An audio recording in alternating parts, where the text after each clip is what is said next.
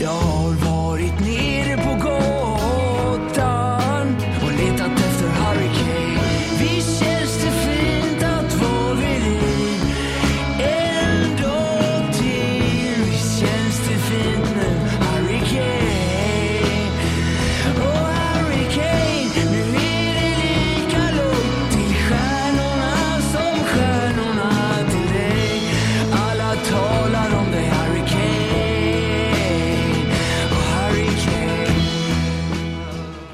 precis lyssnat på Håkan Hellström, Hurricane Gilbert och eh, det påminner mig om en vacker dag i måndags när Tottenham Hotspur anförda av Hurricane, Hurricane slog Sunderland med 5-1 och jag har tagit hit Per Frykebrant och Marcus Håkman för att prata om den här sköna våren. Tackar, tackar, tackar. Ja, det känns skönt att vara här. Och ni lyssnar på avsnitt 33, säsong 2 av Ledley Kings knä, Jörgen Klinsmann avsnittet. Dags att hämta hem det ännu en gång. För jo, du vet ju hur det slutar varje gång vinden vänder om. Det spelar väl ingen roll, håller du finger långt Alla de minne får, de är ett minne blått Det här är ingen blå grej som rent spontant blir omtalat på något omslag som Heidi Montage Eller Spencer Pratt, är nog den endaste svenska MC'n som har en känsla för rap. Så hey! släng upp en hand om du känner vad som sägs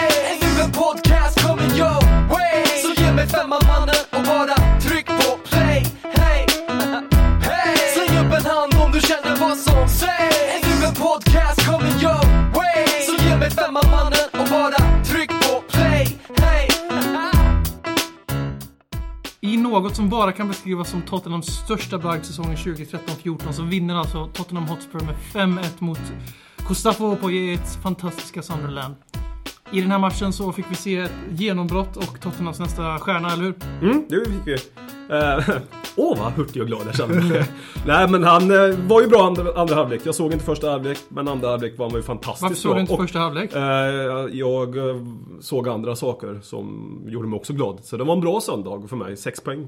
Nej, men Harry Kane har väl eh, gjort två bra inhopp. Alltså två riktigt bra inhopp. Det är ju Benfica Han spelade borta. från start, han spelade från start. Han spelar från start men det blir ett inhopp för mig, förlåt. Han har gjort två riktigt bra insatser om man tycker. Ett inhopp på Benfica borta och den här andra halvleken. Så, som ni sa att första var en kass. Eller in- mindre bra. Det var BM som sa. Ja, BM sa att Harry Kane var en hela sopa. Tottenham var dåligt första halvlek. Mm, Harry 1-1? Kane är inget undantag. Nej, men andra halvlek där måste man ju ändå ge att han var fantastisk. Men det gör ju inte honom till eh, Wayne Rooney. Nej, det gör ju inte det tyvärr. Men... eh, Utseendemässigt, men inget mer. någonting, någonting han vinner på, det är ju hans inställning. Det, Mm. Så där ska ju alla spelare som tar på sig Tottenham tror jag göra. Och det är ju någonting vi ser nu, att Bentaleb och Harry Kane, du kan, man kan beskylla dem för mycket.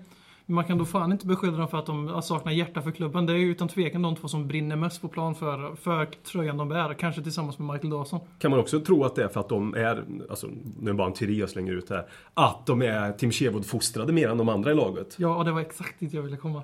Nej men förstå, alltså man behöver inte hålla med men du förstår Nej, mitt resonemang och det, tanken det, att det måste ju finnas någon koppling där. Ja, Bentaleb, Harry Kane och Harry Kane varit mycket utlånad också de Han senaste tackade ju åren. nej till att bli utlånad nu under AVB. Han sa att han ville hellre stanna kvar och Mm. kriga. Så det var inte som vi trodde då, att, det var, att han var verkligen tänkt som tredjeanfallare. Utan det var hans, han själv som ville stanna och därför blev han tredje, tredjeanfallare. Men är det liksom, om, om man skulle ge Tim Sherwood två år, då skulle vi få 11 krigare på planen som ställde upp så här för varandra.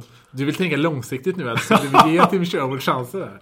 Nej, det kanske jag inte Nej, vill. Men för, alltså, Det, det kanske ligger någonting absolut. Men Ja. sen Han tog ändå, över 2009 så de har ju haft honom väldigt länge. Och Velkovic var ju också hela, Hela likadan. perioden. när han kom in.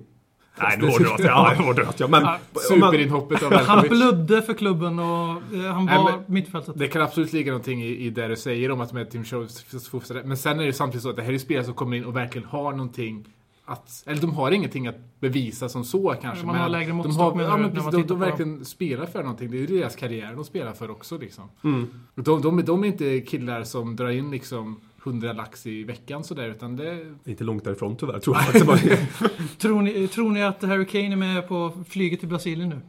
Ja, det är fan inte långt ifrån med den jävla nivån på det landslaget. Fråga Robin, han eh, tycker väl det. Robin hade nog sagt det här ja, utan Han kommer, han kommer dock starta på lördag igen. Och det, det sa ju Tim. Och det är absolut, han ska Det var ju lite konstigt att när, när Soldado fick på något slags genombrott igen med sitt mål och sen liksom försvann helt från, från startelvan precis som ja, många andra spelare gör när man inte hör talas om dem eller någonting. Jag vet inte. Liv i haven och jävla rape dungeon någonstans där han har Danny Rose ett halvår Lamela. sen Lamela små söta pojkar helt enkelt. Eh, nej men Harry Kane, han är ju... Man har verkligen väntat på att han ska få visa vad han kan gå för. För det finns väldigt mycket fotboll i den här killen. Och det, Han är väldigt stark och, och allt det där. Och det får folk väldigt mycket att tro att han är den här eh, nummer nio liksom. Men han, I u har han också spelat väldigt mycket som nummer 10 och han har den här tekniken också Du menar i att sig. han blir lurad, man luras av att han ganska, vad som man säger, uttrycker sig, valpiga fysik och han ofta ser ut att ta lite för lång tid på sig i alla avgörande lägen. Ja, Valpiga lur- fysik tycker jag inte alls, för han är ju verkligen en, en, en stark Ja, det var, spelare. jag är ute efter med att han ser klumpig ut på planen, ungefär som Adebayor gör när han maxlar. Ja, men det li- ser inte ut att gå fort, men det gör ju det. Lite men så. Det är så. Men det är också, men när du har den typen av spelstil i det, att du är lite, lite långsammare och det, ditt, ditt fot, din fotboll hänger på tänket, då blir det också en late bloomer. Och det är liksom, han är, late bloomer, det, han är ändå bara 20 år, vi får inte glömma det här och nu. Men ta en sån som till exempel Drogba eller Sheringham förresten. Sheringham spelade i Millwall tills han var 25 och det är väldigt lika den typen av spelstil. På Sheringhams tid, du på Sheringham, på Sheringhams tid så kunde han, på Sheringhams tid så kunde ju ändå liksom, du kunde fostras och få spela på högsta nivån för att fotbollen såg ut så då. Harry Kane och den typen av fotbollsspelare nu måste i princip ha ett fullfjädrat eh, liksom, fotbollssinne för att du ska kunna eh, fightas om platserna på den nivån. Och det är det han väntar på just nu och är han så här bra ändå när han är 20 så har han liksom en Premier League-karriär framför sig. Absolut. Bra, bra prat. Men det är som med Tom Carroll här, att det, de två killarna är ju de som hyllas väldigt mycket. Och det är ju, utan det är ju att de hyllas så mycket som de gör som unga talanger, det är för att de är engelsmän. Och det, det är ingen konspirationsteori. Men de är engelsmän och då hålls de extra högt. i- Vilket är självklart eftersom Tottenham är en engelsk fotbollsklubb och det blir homegrown lads. Men de här två är killar som man har varit med runt och figurerat kring A-lagstruppen ett par år nu i alla fall. Och, alltså det känns som att Harry Kane har varit med sen jag började Ja. hålla på Ja, Tottenham det 94. känns lite så. liksom. Och eh, det jag vill komma fram till är att båda de här killarna kanske inte har nått de här topparna som man förväntar sig av dagens, eh, vad som säger Wonder Kids. För det är helt sjukt. Idag förväntar man sig att om de inte slagit igenom när de är 23, då är de slut. Ja, och är du inte Lukaku liksom, Ja, du är men 19 precis. så är du... Precis, och de, de här två, jag tror Per verkligen är något på spåren här, för vi har ju hållit kvar de här regelbundet trots att de kanske inte alls har visat tillräckligt för, enligt mig, någon av dem än så länge. Men vi håller ändå fast vid dem och det är förmodligen för deras fotbollshjärnor. Det Mm. blir, jag tänkte när du sa det där om Kane att jag vill se samma sak i, Harry, i Tom Carroll då, om man bortser från att han är 1,40 lång och väger 40 kilo så är det samma fotbollshjärna. Precis. Och han är ju långt ifrån fullutvecklad. Han Ja. kommer kanske vara fullutvecklad när han är 25 eller någonting. Men det För kanske fin- är därför för vi det, håller det kvar de här killarna. Ja, precis. För det finns ju också de som man gör sig av med alldeles för tidigt och de bara väntar på att få en spelstil som passar dem. Till exempel Ricky Lambert och sådana spelare. Så att liksom, nej, jag tror absolut, ju också- absolut att han kommer utveckla, fortsätta utvecklas under en längre tid. Harry Kane tycker jag väl kanske inte har den skarpaste fotbollshjärnan. Det är ju en sån sak man kan utveckla, tycker han om mycket annat. Jag tycker han lever väldigt mycket på sin inställning. Som är vacker som den är. Men fotbollshjärnan ser jag inte riktigt i honom. Jag kanske inte sett tillräckligt mycket med Harry Kane. Jag vet inte men... eh, han har andra egenskaper absolut men... Jag, jag tycker absolut att han har en fotbollshjärna. Det, för det, det, det, hans link-up-spel fungerar ju väldigt bra med Soldado, men Adebayor är inte speciellt bra på det. Men ändå när han spelar Men med Adebayor så placerar han sig ändå bättre än vad, än vad Soldado gör. Alltså om vi, om vi snackar om att komma till avslut och hela den biten som Soldado inte gör. För Vi, har ju, alltså sen Tim Sherwood tog över U-verksamheten, ska man väl kalla det då. Med de tränare han har i de lagen som inte man ska glömma bort, för han har ju haft ungefär Franco Baldinis roll fast med, ungdom, med, med våra ungdomsspelare. Så han har ju inte varit och tränat de här 10 timmar om dagen, alla olika årskullar, så man ska inte ge honom för stor cred heller. Men... eh, Ska inte ge någon cred. Nej, jag skojar. Men eh, vi har ju, alltså vi har ju, vi, vilka, om vi ska lista upp de som man kan nästan, så vi kan claima i Tottenham så har vi, vi kan inte claima egentligen Kyle Norton, Kyle Walker och Aaron Lennon men de har ju varit i Tottenham sedan väldigt unga åldrar. Och eh, hur, Lennon var 16 när vi... Eh, Lennon kan man ju faktiskt Så vi nästan om vi claima. kan Men claima om, om folk, om kan folk vi claima Bentaleb så kan vi claima alla de tre Ja. jag listar. Så vi, fan, vi claimar dem. kan definitivt claima Gareth Bale i så fall. Ja, det... Ja, jo. Egentligen, ja, jo, det beror på var man Kan drar gränsen. ja. Drar vi killar som har varit i Tottenham, verkligen bara Tottenham, alltså Andros Townsend då som... Mm. Så, och, eh, så visst, men alltså, vi har en, ett gäng killar som har varit i Tottenham från tonårsålder. Tidigt, tidiga tonår säger vi, för att göra det tydligare. Och nu har vi ett gäng, så vi har sålt Gareth Bale till Real Madrid, vi har Kane, vi har, vi har Kane i A-truppen, vi har Townsend i A-truppen, vi har Lennon, vi har, vi har Norton, vi har Walker. Alltså någonting gör vi ju rätt. Vi har Mm. Velkovic, på väg in, vi har Bentaleb som är lagets nyckelspelare. Vi har Pritchard som var nästan Som årets... nästan eh, årets lirare i League One där med Ja. Swindon. Så nu, alltså det, det är jävligt imponerande när man är en så pass stor Mm. klubb som slåss om Europa varje år och ändå har så här, så här bra ungdomsprodukter. För vad, är ribban? Förväntar vi oss alla ska bli Bale? Det kommer inte hända. Men skulle de, alla de här killarna vi rabblar upp nu behålla en truppplats i Tottenham så är det ett sjukt bra kvitto på en ungdomsverksamhet i en topp 6-klubb i Premier League. Mm. Ja, men det är som jag snackat om i de senaste avsnitten om, om Livis satsningar på ungdomsverksamheten och som verkligen börjar betala tillbaka sig. För jag menar, när han började, liksom Arsenals ungdomsverksamhet pissar på oss, nu är det vi som definitivt pissar på Arsenals ungdomsverksamhet. Vi får inte glömma bort Livermore i det här. Det är en kille som Ja, verkligen liksom, Premier League-spelare. Ja. ja. Det har han ju bevisat. snart landslagsspelare med Ja. deras mått mätt. Så 15 pissar på alla så att säga när det kommer till ungdomsverksamhet. Men, nej men, och så, det är väl det, kanske att det kanske är en rätt nivå för uh, vår vän Tim att vara där också. Även Ja, om han, nu är jag helt övertygad om att han kommer vilja Ta managerjobb, ja. ta ett managerjobb. Även om han skulle bli erbjuden att få stanna kvar så skulle han tacka nej till det. Det han ju alldeles rätt i också tycker jag. Men det, var, sa- det var ju rykten som linkade ihop honom med Swindon för Ja, ganska länge sedan, som vi snackade om här i podden nu också. Och om man skulle gå dit så är det väl ändå så att våra spelare kan få lite Tim Sherwood-influenser eftersom att vi har en liten tradition av att låna ut våra Ja, vi har spelare lite- nästan, nästan offici- officiellt samarbete nu. Ja, det kanske är officiellt. Ja, det är, det är inte men- officiellt, men, Nej, nästan- men de men värvar ju väldigt många av våra rejects då från eh, ungdomsakademierna, Grant Hall och alla de här snubbarna. De har väldigt många spelare som har en förflutet i våra ungdomsakademi i A-laget. Ja, och så plus att de har lånat ett gäng då. Eh, Massimo Longo köpte de ju till exempel. Det är deras rekordvärvning och han kommer från våra ungdomsled. Och Mm. enligt eh, Windy Coys som är lite av en eh, expert på området får man väl säga, Spurs ungdomsakademi. Så han sa ju att det är ju en av de som vi kanske kommer ångra i framtiden att vi har låtit försvinna för att han är, precis som Per var inne med Kane och Carroll, att han är en sån här kille som kommer blomma ut lite senare än alla andra på grund av att han är en tänkande fotbollsspelare. Nu har jag sett jävligt lite om honom men bara för den här bilden som Swindon att det, det är ju något speciellt där och skickar vi dit Sherwood så kan, vi ju ta, kan han ju ta med sig alla spelare som är på gränsen till A-truppen och ge dem speltid 90 minuter varje vecka. Tror du han går med på det? Nej. För då vill han inte vara Levis marionettdocka i Swindon. Uh, inte nu längre. Nu är de väl ovänner kanske. Alltså, Det går fram och tillbaka det där med Livi. Ibland, snart som bästa vänner igen. ja, ja, ja, visst. Han är relationsexperten. Vilka tror ni plockar Sherwood då? Alltså, för han har ju fortfarande ingen licens. Så han Måste ju, Blackburn. Black, fakt, faktiskt. Norwich. De, de har ju också galna ägare, så det vet man heller Ja inte. men de har, de har ju sakta ner lite och gett lugn och ro till de som tränar nu faktiskt. det var ju tagit ett rykten par steg om tillbaka. Blackburn. Där AVB Ja, var beredd att det- släppa Sherwood men inte Levy. Men, nej, men Sherwood ville ju inte gå till Blackburn då i tidigare skede, i höstas tror jag det var. Mm. Eh, Men sen har du också, eller om det var förra våren när Steve Keane fick sparken. Eh, Som, som BM sa, Norwich är väl också en klubb som man, som man har Det är ju lätt att dra kop, klubbar som man har kopplingar till och Norwich är också en eh, klubb som man spelar i som ja, ung kille. Början på Det blir så 90-talet. alltså, är man en gammal spelarprofil och, som slår sig in i Premier League som tränare då är det ju väldigt ofta genom klubbar man har någon, har någon typ av tidigare historia med. Det är ju, alltså framförallt de, sen, har, sen har vi ju de här mer- mer- mercenary-tränarna som går igenom bottenlag till bottenlag. Och alla försöker vara den nya Tony Pulis men Ja, men jag tror han skulle passa där. På den, på den, om man ska vara en Premier League-klubb så ska det vara på den nivån nu. Jag tror han skulle, han, hans tränare sätt att vara, hans roll, hur han beter sig och hans taktik och lite grann det här gå in och kötta och få fram mycket karaktärer i laget som är nog lättare att få fram i de klubbarna. Alltså på den nivån spelarna ligger istället för en eh, solbränd eh, iPad-tränare. Ja, ja, precis. Eller några solbrända spelare, Instagram-spelare liksom som... eh, Men det, är det kanske lättare att få en Martin Olsson att springa 90 minuter än att få en... eh, Ja, det behöver inte vara någon Stennis Rose, för springa kan han ju. ja, jag tror är han väl passar i enda- de är väl det klubbarna. han. Ja, men jag tror han skulle passa i den klubben. Bästa vore om man fick spela träna Championship eller League One egentligen från honom själv. Men vi utgår ifrån att eh, han kommer att försvinna nu då. Vilket var Sky Sports släppte det några timmar före matchen mot Sunderland. Så släppte de ju det här att vi förstår att Tim Sherwood kommer bli uppsagd av Tottenham Hotspur i sommar. För att öka sina tipsarsiffror Ja. till kvällens match. Ja. Fint. Va- Varför blev folk... Sen har väl folk Ja. blivit förbannade på Tottenham. Har inte, var inte införstått Nej, i alla att det skulle vara ett... eh, Topp 4 eller bye bye. Var det någon som trodde någonting annat på riktigt? Ja, ja Alltså- men som, som jag jobbat tidigare så... Jag, blev inte ens, jag fick inte ens den minsta reaktion på att det här läckte ut.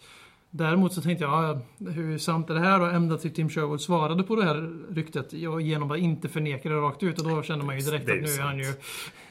nu är det klart. Men eh, det ska bli väldigt intressant att följa hans sista veckor nu med tanke på att han har ju inte varit rädd att ta till orda hittills. Men så hur många han försöker ta Jag tror, med han, sig ner. jag tror han kommer uh, sköta det respektfullt ändå faktiskt. Det var ändå fint att se hur spelarna reagerar. Man vet inte riktigt vad det är en reaktion på. Om det är en reaktion på att, Att de, de vill ge sitt stöd till Sherwood eller om det är en reaktion på åh fan, det, det kommer fan en ny kille snart. Då är det bäst att man vi- visar sig Adebayor lite. är ju Sherwood. Jag tror att Adebayor kommer tror- det inte överleva Tim Sherwood i Tottenham. Men förutom att eh, Kane fick starta sin första Premier League-match någonsin. Mm. För Han fick, Tottenham. Nej, han fick han starta för Norwich. nej, han han hoppade väl in två matcher. Ja, han bröt ju typ foten. Det är det som många, många snackar om att liksom, ah, han, han visar ingenting i Norwich, men han Han spelar ju inte där så länge. Så att, Han skadade sig. Han skadade men sig. ska vi hoppa in på matchen eller? Yes. Hi, this is Ledley King, and you're listening to the Ledley Kings Need podcast. Kort och gott, ja. Första, största segern sedan Newcastle 2012 blir det väl med Redknapp. Personligen eh, pissdålig första halvlek. Vi släppte in ett typiskt Tottenham-mål. Ska vi prata lite om det här äh, vackra målet? Berätta för mig som inte har sett det. Du kommer gilla, du gillar ju det, du gillar ju Vlad. Jag gör ju Så det, ja. att, eh, Mm. Du kommer inte bli besviken på. Nej, skämt åsido så... Det är konstigt. are you fucking thick? ja, det var ju roligt. Greg Stobart som, väl som jag uppfattade satt i närheten av Sherwood. Han är väldigt pålitlig när det gäller Tottenham. Ja, Faktiskt. skrev ju det att... Eh, det var inte, det var inte den här händelsen förresten. Det var när, Adam, när Vlad fällde Adam det Johnson. gjorde- som det- han skrek 'Fuck off, are you fucking thick?' Och det kanske säger en hel del om, om vad Sherwood tror om, om Vlad. Det är konstigt överhuvudtaget att, att en mittback tar det inkastet i och för sig. Men nu var ju för omställningar där lite huller om buller så man vet ju inte riktigt Vi ville som... helt enkelt att Caramo skulle göra ett mål. Han, vi tyckte han hade förtjänat det genom hårt, Det är ju hårt så och enträget arbete. om Catchemall får det läget tio gånger till så, så han sätter det inte liksom. Det, det, var, det var ändå centimeter, liksom, ett centimetermål så att säga. Men det alltså jag, folk liksom skyller på Vlad och Loris är att liksom bara skjuta iväg bollen. Men det är inte så ett, ett vinnande lag ändå spelar fotboll. För Och det är också det som gör att man i till exempel Spanien, till skillnad från England, har en mycket mer teknisk vinnande fotboll är att man i sådana situationer faktiskt spelar sig ut. Och det är det garanterat det som spelarna också får order om, att spela sig ut de här svåra situationerna. Och där är det ju bara utförandet av själva passningen som är dåligt. Det är inte tänket att spela ut sig ur den situationen i sig. För om man ska spela spel där man ska ha mycket boll, som vi gör i Tottenham, då kan du inte bara tjonga upp en boll för att det kommer en spelare tre meter ifrån dig. Det är ju det du måste Men är göra det, som, som är det där verkligen vår ideologi under Tim Sherwood? Det skulle jag inte så hålla med om. Att Ja, men vi, vi, hemma mot Sunderland så är det klart att Ja, fan jo, vi ska det, ha det håller jag med om däremot. Men eh, alltså, det är inte Och sen också liksom det här, är- det här är liksom överlägset ligans sämsta lag just nu. Ja, det- Hemmaplan i 15 minuten. Då är om du inte kan ta risker då, när fan kan du ta risker? Okej om vi leder med 1-0 i 92 mot Chelsea liksom, då kan jag förstå om man tjongar. Eller om man är Kyle Walker mot Liverpool i förra Ja. säsongen menar du? Ja, Ka- Kyle Walker finns det ingen som kan förklara hur, det, hur tänket går där. Nej, men jag tycker det var dåligt utförande, men så mycket mer ska man inte, ska man inte bajsa på det, tycker jag. Annars konstig balans på mittfältet igen med, med Eriksen i sin vanliga fria roll och så Chadli Mm. bredvid på linje och centralt. Va- Sen så spelade väl- ju inte han så jävla mycket central mittfältare som man tillägger men det var så det var uppställt i alla fall. Paulinho? Nej, nej, Chadli. Paulinho spelade central. Nej, och så väl- Lennon som givetvis eh, Lennon var den gamla- i startelvan nu för tiden. Ja, Lennon var den gamla vanliga Lennon, så vi har blivit vana vid att se just nu. Alltså inte den gamla tror- goda Lennon. Jag jag jag, jag tror inte jag har sett han var alltså, så helt obetydlig han har varit för vårt spel de senaste jag, Alltså på riktigt, han, det kan vara bland det sämsta jag har sett i en Lamela har fler assist den här säsongen än vad Lennon har. Mm, på tre och en halv Premier League-match. Men för att gå tillbaka till, till eh, vår centrallinje där och mitten. Väldigt besviken på, på Jet faktiskt som inte lyckas rent Ja. taktiskt att, att kapitalisera Ja, det på det måste här. man göra som Premier det League-tränare. är På helt riktigt, sjukt alltså. att han inte lyckas göra det. Hade vi mött, tänk om vi hade vi mött, nu hade han ju aldrig gjort så här, men han lärde sig mot Liverpool hur det går när man spelar med fel typ av centrala mittfältare mot bra motstånd. Mm. Och mot Arsenal innan det. Men, eh, jag tänker om vi hade mött ett lag som hade ens ett uns av kapacitet centralt för mitten. Då hade vi förlorat idag. Eller idag, då hade vi förlorat i måndags. Alltså för det, det, det där centrala mittfältet, det håller inte defensivt i. Premier League någonstans. Nej. Och det är liksom, det där är bara ett underbetyg till på Jet. Det är inget betyg absolut. till inget- Sherwood Det är överhuvudtaget. annat- inget annat jag försöker säga. Och det är bara för att det är många som ser upp till Poirier som någon typ av Spurs-kultfigur. Och jag ser inte det alls. Jag, jag tar Nej, alla, alla tillfällen i akt och spottar lite på honom. Ja. Nej men sen Sunderland, jag menar oerhört besviken överlag på, inte bara på ett utan hela Sunderland. För det där, Inte värdigt Kevin Phillips klubb. man såg tydligt att det där var ett lag som ligger sist i Premier League. Men det syntes absolut inte tydligt att det där är ett lag som fightas om att hänga kvar. Mycket bra sagt. Jag tror att deras cupframgångar har också hämmat dem i ligan tror jag. Ja, absolut. Mm. Energin så att säga. Det märks att de har nog tappat rätt många poäng som de nog hade tagit om de inte hade gått till en ligacupfinal eller gått till kvartsfinal i FA-cupen. Så jag tror nog att när man summerar ligan så har de tillräckligt bra spelare för att stanna kvar kan Ja, jag ja, tycka. ja, ja, ja. Men att, eh, ja, för många matcher för den truppen helt enkelt. Och nu är de inne i negativ energi. Nu, alltså som sagt, jag såg bara andra halvlek och då var...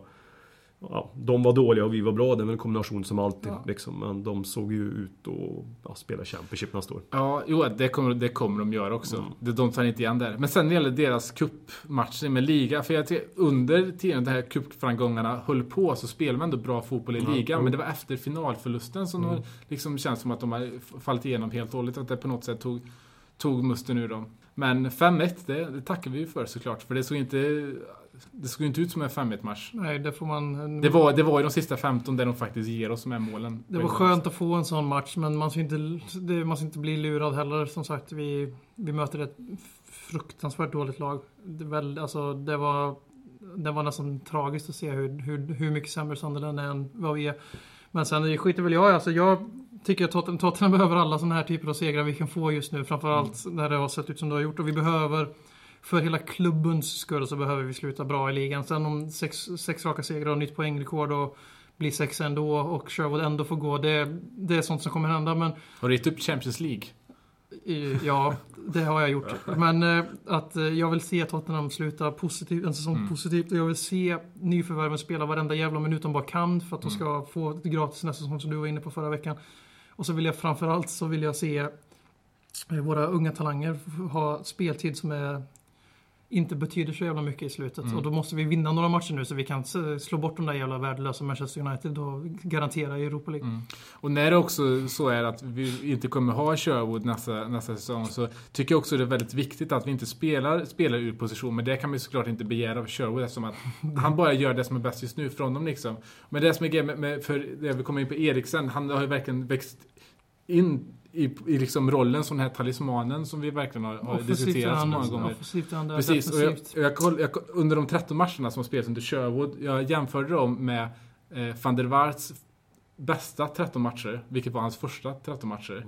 Och Eriksen ligger bara en poäng bakom där just Det nu. är jävligt imponerande. Mm. De, liksom det, Det blir så man inte Eriksen, Eriksen är inte i nivå med van der Waart när det kommer till vinnarmentalitet och hela den grejen. Och er, Eriksen är väl lite mer kanske framspelare än vad liksom, van der Waart var mer på det sättet en skicklig avslutare också. Men absolut, det här killen är liksom, han är 21 år och vi har Det, Nej, det, är kul att, ett det är kul att följa Tottenham just nu tror jag. Alltså, Det är han, det är i han som är nästa spelare som vi kommer sälja till Real Madrid för 40 miljoner eller 50. Men han känns mer som Barcelona och så vidare. Men han har ju sagt att han eh, skiter i hur det går i ligan. Han, han trivs bra i Tottenham. Ja. Han blir kvar nästa säsong. Ja, men kul, kul att höra. Men det är därför jag vill väldigt, gärna spela, fortsätta spela inom den här nummer 10-positionen. Det är klart att han kan den här positionen väl som har spelat i Ajax. Mm. Men sen så när, när han spelar också från vänster som man gör så påverkar det balansen Ja, i hela, vänster. hela laget han också. har ingen defensiv Och då, då blir även, kapacitet då blir även liksom Danny Rose blir väldigt lidande också. Och jag menar, han kan väl behöva all träning han kan få. Om vi ska spela med den så krävs det ju väldigt mycket Bättre ansvar. vänsterback. Mm. Och vi behöver ha en defensiv mittfältare eller en central mittfältare som är beredd att täcka upp på vänsterflanken väldigt mycket. För om vi ska ge Christian Eriksson den eh, friheten av till vänster så att han ska vara effektiv offensivt så måste vi släppa defensivt helt och hållet. Mm. Och vi är inte ett tillräckligt bra fotbollslag för 2013-14 för att ge han den friheten egentligen. Men nu kan vi göra det. Mm. Och han har ju fått det, även om vi kanske inte borde, så har han ju fått den hittills under Sherwood. Men han har ju blommat ut och det, det kan ju vara, om det blir Sherwoods minne i Tottenham, att han fick, inte Adebayor, för Adebayor kommer alltid vara Adebayor.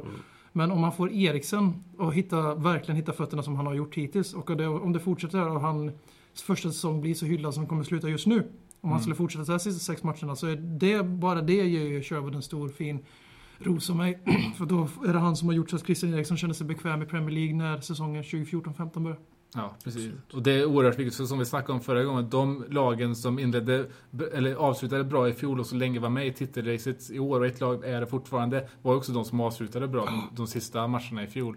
Ehm, Det är ju fem winnable matcher. Vi ska kunna ta, vi ska kunna gå fullt. Nu tror inte jag vi kommer göra det för det är svårare än vad man tror. Ja, Det är men liksom, jag menar, jag kollar på ja det är klart vi ska vinna om det liksom. Sen, sen att inte allt händer, så är det ju, men vi ska göra det. Poängrekord 2013-14. Ja tack. Med Milos Velkovic i samtliga resterande matcher. Och Harry Kane.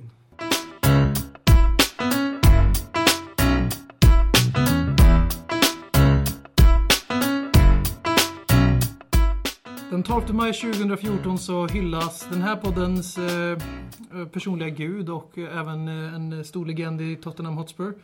Nämligen Leddy King ska få sin testimonial, sin minnesmatch. Dagen efter säsongen är färdigspelad. Och eh, jag har planer på att åka. Så biljetterna är på allmän försäljning och de kostar hälften, som, hälften ungefär av vad en riktig Premier League-match gör. Och om man har tur och kan landa biljetter till även Aston Villa-matchen så är det ju en given weekend då. Självklart att åka på båda de här två matcherna. Men vi får se lite med det. Jag ville bara upplysa allmänheten om detta. Och eh, ja, Ledley King är speciell för oss. Vi har ju träffat Ledley King allihopa. Till och med skakat hans hand trots att han var förkyld.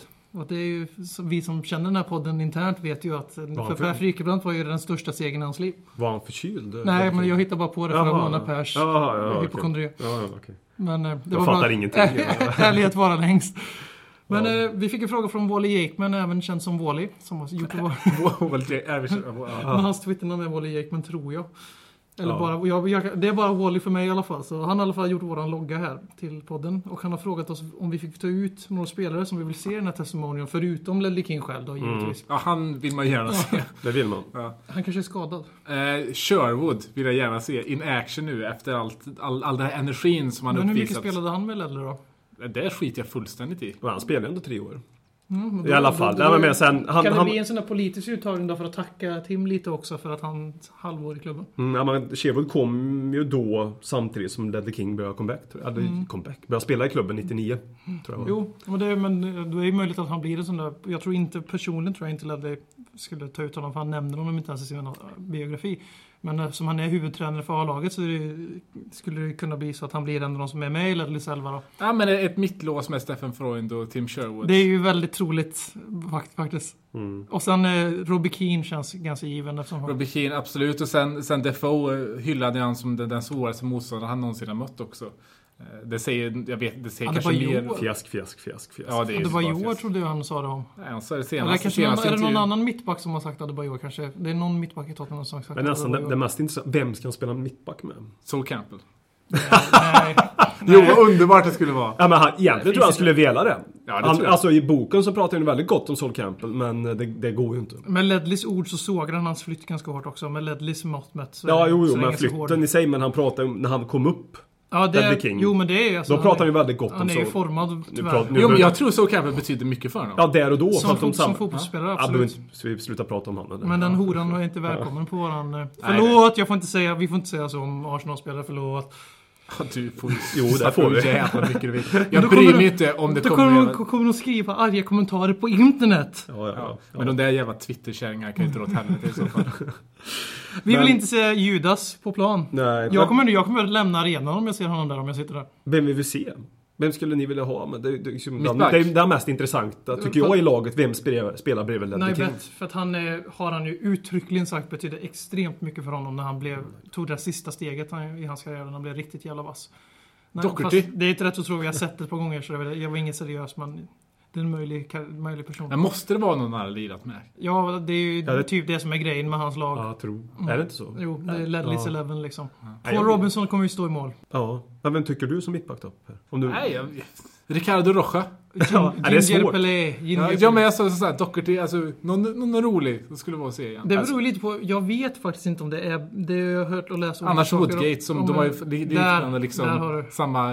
Där har det mycket troligt, mycket troligt att det blir Jonathan Woodgate. Eftersom de vann ihop och de har exakt samma, Mm. nästan i alla fall samma tragiska skadehistoria. Woodgate som väl är den enda januarivärvningen som har resulterat i någon form av sportslig framgång. Någon gång. Ja, direkt, alltså direkt sportframgång. Ja. Han gör ju målet. Så. Det kan ni komma ihåg nästa januarifönster, ni som skriker efter vändningar. Det tycker jag, men jag vill bara prata lite om det nu. Det har ju ingenting med Ledley King att göra. Det är Nej, då kan du säga det nästa Men vecka. Jonathan Woodgate, när han vinner ligacupen med oss 2008. Mm. Och han spelar väl bara finalen va? Eller spelar han en semifinalmatch också möjligtvis mot Arsenal. Och eh, är så jävla glad i intervjuerna efter matchen när man går runt i intervjuer om, eh, på Wembley. Kan man verkligen känna genuin glädje då och vinna en titel när man har spelat en eller två matcher med klubben? För att Men, komma man är ju med i truppen i alla andra tävlingar och sen så är det, för honom är det väl nog skadorna som gör att hans känslosvall för framgång på plan blir ännu större än vad de Men jag tror inte han är unik. Alltså nu kommer jag, kommer jag tänka på den här som jag sett de intervjuerna med Woodgate efter eh, ligacupvinsten mot Chelsea. Han går runt där och firar precis som att han varit med sedan eh, 14 september. Och kört igenom hela de här åtta matcherna för att komma till ligacupfinalen.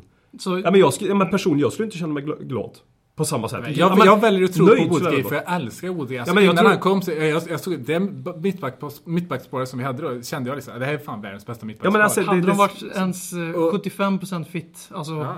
S- skadade normal mycket så hade vi haft ligans bästa Ja mittbackspar. men nu, nu byter ni, det är inte det det handlar Nej, om här. vi, ville, vi ville prata om någonting annat. Ja, vi, vi, Ja, vi, möjligt. Du bytte ju sen det helt plötsligt. Ja men jag det vill här. ändå ha någon Får vi något vi reflektion. Men vi Ja, vill, är inte spotta, vi vill inte spotta på eh, jag- smala legacy Ja, men det, nej, det handlar inte om att spotta på han, honom utan det är liksom hur han kan... Kan man verkligen känna glädje över någonting som man inte varit delaktig i nästan? Nu lägger jag inga ord i munnen på det här, men det du säger är att Jonathan Woodgate är värdelös. Ursula förtjänar inte vara glad för att han avgjorde ligacupen. Typ. Nej, men jag väljer att tro på Woodgate. Och med det också, vi, ska, ja, vi säger väl, mittbackskollegan är Woodgate. Nej, nej, inte för mig då naturligtvis. Men Vad fan Håkman! Nej men, jag vet inte, Michael Dawson förknippar jag med. Eller Chris Perry eller någonting sånt där. Ja, nej men absolut. Det Han spelade... Kommer Darren... Ha, såg ni det? Darren då? Anderson går ner och spelar mittback. Darren Anderson. Det går- Han är ju högermittfältare. jag försöker bara, jag försöker, jag försöker bara få det av spåret här. Ja.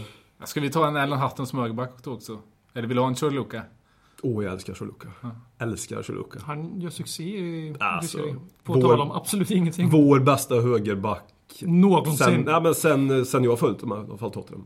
Choluka. Kyle Walker. Ja, St- Steven Carr tyckte jag var jävligt bra också. Ja.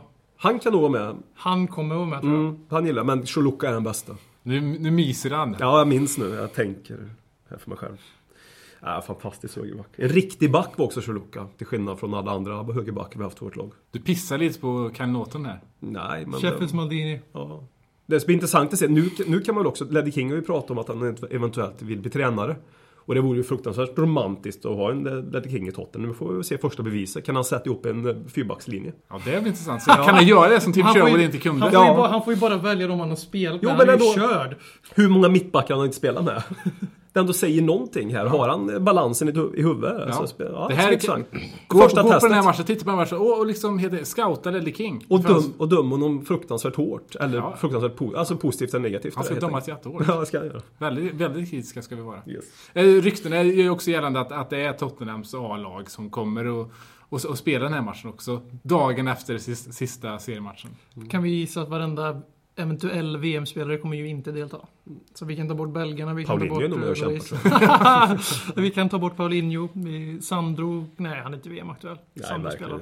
Och sen är det alla 20-åringar. Ja, men de, som är, de i A-laget som har liat med Ledley tror jag ändå vill ställa upp och lira med det. Men det de är som- inte VM-aktuella heller. Nej, som sagt. Nej, men det, han är ju verkligen förtjänt detta, Ledley King oavsett. så Ja. det- Grattis Ledley, vi älskar dig. Talkman show, Talkman show, Talkman, Talkman, Talkman show.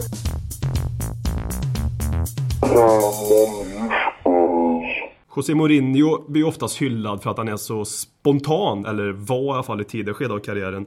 Nu känns det ju mer att han har gått på myten om sig själv lite, mer- lite mer. Att han... Eh, allt han gör, gör han av ett syfte. Eh, säger Mourinho hej på ett visst sätt till en person han mött på gatan så finns det en baktanke varför man gör det. Det är liksom ingen slump att Mourinho agerar på, alltså, på sätt som han gör. Han lever ju, det känns som att killen mer och mer lever efter ett manus dag ut och dag in. Och, eh, ja. och när man lever efter ett manus dag ut och dag in så blir det också svårare tror jag att eh, ja, mötas inför nya situationer. Och, eh, ja, och därför tror jag han får svårare och svårare med spelare som kanske Lukaku och de här som inte följer hans eh, lilla pipa. Som han vill att alla ska dansa runt honom efter. Så eh, Mourinho på många aspekter har också tappat respekt för när han har gått ut faktiskt mot Wenger och kallat honom för The Special Loser, vad han kallar honom för. Uh, Wenger är ju absolut ingen favorit till mig och man behöver absolut inte sitta och hylla Wenger men man ska ju absolut inte tracka ner på en tränare- tränarkollega som han gjorde på det sättet. Uh, visa lite ömsesidig respekt mot varandra. Han har fullständigt tappat det och uh, ja, jag blir ledsen att se det som jag ändå tyckte någonstans när han kom 04 att det var en frisk fläkt. Tack. Talkman show, Talkman show, Talkman, Talkman, Talkman show.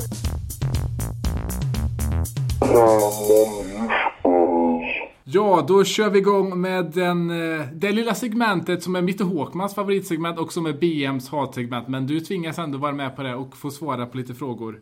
Eh, jag tycker vi börjar med en eh, ja, liten koppling till gårdagsmatchen blir det för oss då. Eh, Atletico som har gått vidare. Eh, kallat sig för, vad heter det på spanska? Har du koll på det Håkman? Nej, tyvärr. Den lidande klubben i alla fall. Vad det nu heter på, På spanska? ja, Ja, ingen aning. inte jag heller. El Club Olido. Det är Mikael Gunnarsson som frågar på Twitter. Skulle Spurs kunna bli Premier Leagues Atletico? Vad skulle krävas? Ett stort jävla skuldberg då, så vi måste ju sparka Livi först. Ja, det måste vi göra. För vad ligger det på? Ett par miljarder har väl Atletico de Madrid i Sen måste vi också hamna i en liga där topplagen får dela på 50% av TV-intäkterna och vi övriga 18 lag får ta över 15% Mm. eller 50% delat på de 18 lagen då. Så vi behöver först bli ekonomiskt motarbetade av Premier League. Men de har ju verkligen gjort en resa, Atletico Madrid. Alltså, de senaste åren har de ju ändå vunnit. Jag, vi satt och pratade lite innan vi tryckte på rec här att då hade jag glömt bort alla deras eh, Europa-vinster och BM fick upp, upplysa mig om dem. Men det är ju sant, de har ju vunnit lite de senaste åren också. Men det är de senaste 4-5 åren de har börjat leverera vinster innan det så har de ju verkligen varit en eh, i deras, alltså i spanska mått mätt, en, en, en loserklubb. Och det är ju lite så Tottenham ses också. En klubb som vill mycket men inte kommer riktigt ända fram. Så det finns ju liknelser rent, sett- rent sett så mellan Säljer klubbarna sina tycker bästa jag. spelare också. Ja, hela precis. tiden. De lyckas ju ersätta dem rätt bra också. I alla Så fall där, anfallarna. det är där liknelsen slutar. Ja. Men med så mycket skulder, är man inte lite av en plastklubb då? Jag förstår resonemanget och... eh, För det är lika mycket fusk Ja. egentligen. Jo, ja precis. Men de har... Ja, precis. Vad ligger ja, vet egen skuld på? Vi har också en ganska... Den minskar ju väldigt kraftigt i alla fall. Jo men vi, jag tror vi har en ganska saftig skuld också. Alltså, om man Men sam- tittar de- Nej, människopengar. in, inte om du kör i jämförelse med det här. Men det de- här är någonting som kan liksom verkligen förinta klubben. Jo, jo, det, jo, jo, men jag menar... Men det, det säljs De, väl... de har ju Greklands skuld liksom. Men det säljs väl mer för än vad det köps för i uh, Atletico? Ja, det man ja, ja, för ja, tiden. ja, Så jag ja. menar, de, de har ju ändå ett eh, plusresultat i, i Det är eh, ju in och därför de tvingas att sälja Forlan, Agüero, Falcao. Torres, Falcao och så Mm. nu Diego Costa i sommar. Men att de lyckas alltid ersätta de här anfallarna också. Det, Hur många det, världsanfallare har de haft? Alltså det är så jävla sjukt så det finns inte. Alltså. Ja, det är imponerande. Fruktansvärt imponerande. Lage skriver på Twitter. Vad synes er om Hashtag Adesalut som Spurs Official började med på Twitter idag. Det är alltså en hashtag där fans får lägga upp sina egna Adebayor målgester. Alltså, vi har ju, det här är en ytterligare en grej de har snott från oss den här säsongen. För det var många, många veckor sedan jag la upp en bild på Per Frykebrant när han gjorde Ade Salut. Och då var Ja, det fan det. ingen Spurs official som gjorde Ade Salut tillbaks. Det är ju Så, sant. Spurs, kom igen nu! Nej men jag sätter trender. Det gör det. det nu när du säger det så minns jag Du gjorde ju det då efter någon match du gjorde mål. Vad kommer bli, Någon nästa, match vad, gjorde mål. vad kommer bli nästa trend? Det, det är nästa gre- grej du tänker på. Jag vill, jag vill kalla den där Sherwood salut istället. Det, det är så jag ser det hela. Den här lilla saluten som de gjorde mot varandra är ju lite som AVB, eller Sherwoods svar på AVBs och Bales kram vid, eh, vid eh, West Ham. Målet som vi alla minns. Det man kommer minnas med Sherwood kanske. Och man kommer inte minnas Chris Ramsey som klipptes ur bilden i alla fall. Nej, Nej, jag har inte någon känslomässig alls. Jag tycker inte det är väldigt krystat. Eh, Bale av AVB var en spontan reaktion efter segermål 93 minuten. Det här var en förutänkt Mourinho-gest av Adebayor mot Sherwood för att visa honom stöd. För han har spelat med ett syfte. Och sen när Sherwood kom in och det är att bevisa, motbevisa AVB. Och det råkar vara Sherwood som är tränare. Det hade varit förmodligen exakt samma sak. Eller ska liksom inte säga så för förringa Sherwood för mycket. Men det här är ju hans sätt att ge Sherwood stöd samma dag som eh, han eh, mer eller mindre fick sparken eller vad man ska säga. Och eh, om man så tror ryktena i tidningen då. Nej, det här är inte äkta. Före han började göra så här med Sherwood så har han gjort så här mot fansen varenda gång han gjorde mål. Och då var det nästan... Vad var det då? då? Var det vackert och genuint då eller nej? Då var det snarare ett sätt för honom. att Jag är eran. För han har fått så mycket skit av Tottenham-supportrarna. Så han är exakt som Mourinho. Han gör ingenting äkta och genuint. Och därför så tycker jag inte att Sherwood ska få den här målgesten som Adebayor har gjort. Först mot fansen och sen nu mot Sherwood. För sin egen vinnings skull. Alltså jag, jag tycker ju att det där 4-3 mål mot West Ham var ju fantastiskt. Men det var ju en, en, en enorm glädje. Det ju, går liksom minnas som även en match från här när Lukaku springer mot Martinez och kramar honom. Det är ju en stundens ingivelse. Jag tycker ändå det här är den här gesten, även om den säkert var planerad, inte från Tim Sherwood och Adebayor, det tror jag väl inte. Nej, båda nej, två hade pratat ihop sig om tror att jag göra ett mål här nu. Adebayor, det är andra Ja, gången ja, men jag, tycker, jag tycker det är fint ändå på något sätt. Det, det, ja. Det är fint att se honom stå upp för Adebayor skiter jag fullständigt i. Liksom, För mig är det Sherwood-saluten det där. Nu, så, men, Men om man tolkar den som det så är den vacker. Men om Mm. man tolkar den från Adebayors håll så vidstår jag vid att den är falsk. jag tror man tycker om Sherwood ändå. Ja, jo, men det var därför jag sa om, det, om man Ja, ja, tolkar den som en ja. Sherwood-salut, att han gjorde det för Sherwood, då Ja, är den okej, vacker. ja. Men annars så... Okej grabbar.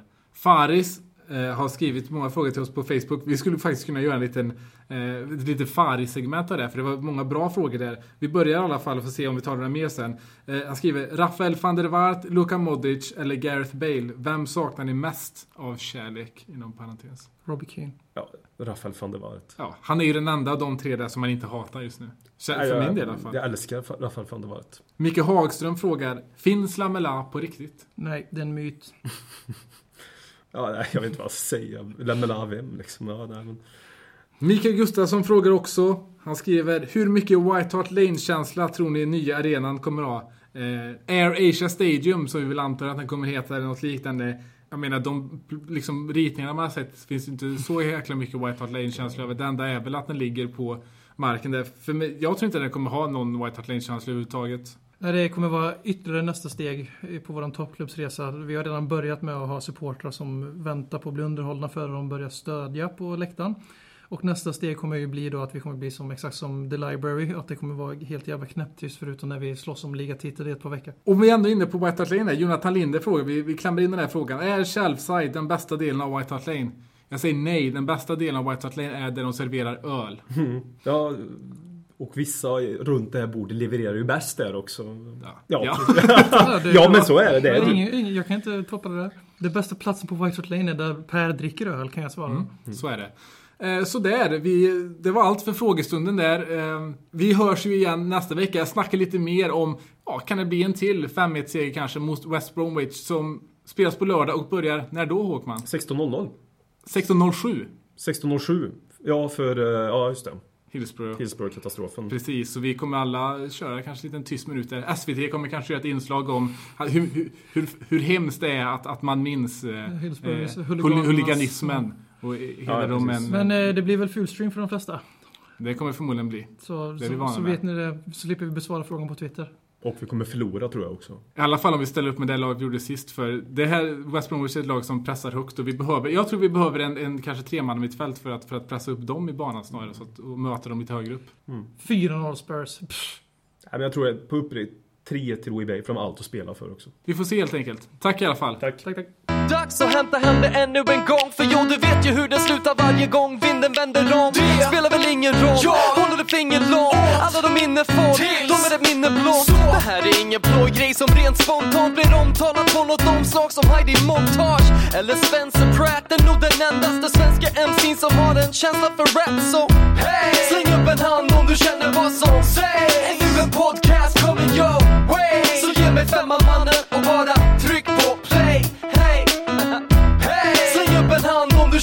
Hey! Hey!